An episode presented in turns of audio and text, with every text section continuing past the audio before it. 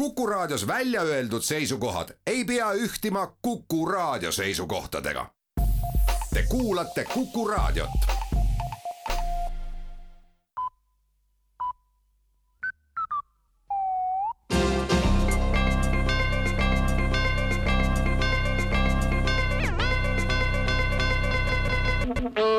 tere kuulama uudiseid stuudios Rohke Develak.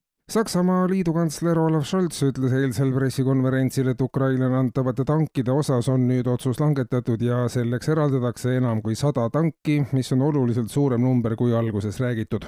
et tagada tankide kestlik kasutamine on ainsaks piiranguks, et ukrainlased saavad neid tanke kasutada Saksamaa territooriumil kui tankid ei lahku Saksamaalt, on neid ka mugavam remontida, kui ukrainlased peaksid mõne ära lõhkuma või hoopis kogemata mõne käima saama. Tegemist on vajaliku kompromissiga, mis annab Ukraina armeele võimaluse tanke kasutada ja samas teha seda ka tehnilise toe lähedal ja Eestisse. töö- ja Terviseministeeriumi värske uuring näitab, et kunagise uuringu tulemused, mille kohaselt kulub eestimaalastel kodust lähema viinapoeni jõudmiseks keskmiselt kümme minutit, tuleb üle vaadata uued uuringud näitavad kummalist vastuolu mõõtmistulemustes, kui kodust poeni jõutakse maksimaalselt kümne minutiga, siis poest koju jõudmiseks kulub juba keskmiselt kaksteist tundi kuni kolm ööpäeva.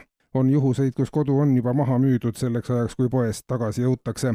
ebakõla poeni jõudmise ja sealt naasmise kõrvaldamisel ja keskmise arvutamisel selgub, et poeni on siiski kolmeteist tunni tee ja viinapoodide hulk riigis ei ole liiga suur. pigem soodustab vähene viinapoodide arv poe juures elamist ja terviseteateid. uuringud näitavad, et märkimisväärsel osal eestimaalastest on tekkinud libeduse vastased antikehad.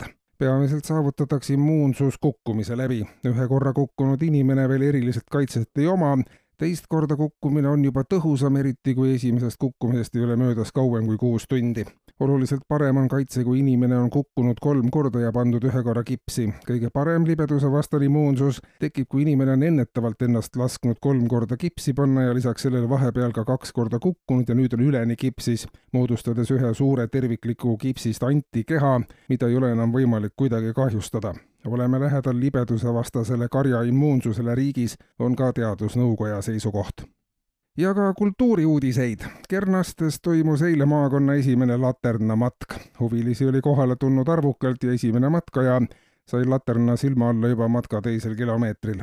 Lasnamäe laternamatkal läks aega pisut kauem, kuid see-eest said laterna silma alla pea pooled matkast osavõtnust laternamatkad on populaarsed üle terve Eesti ja tegemist ei ole uue aja moega, vaid selline vaba aja veetmise moodus on sajandite vanune ja harrastatud on seda nii üksi kui ka suuremate seltskondadega.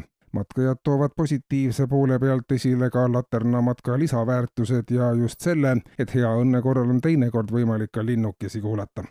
kuulsite uudiseid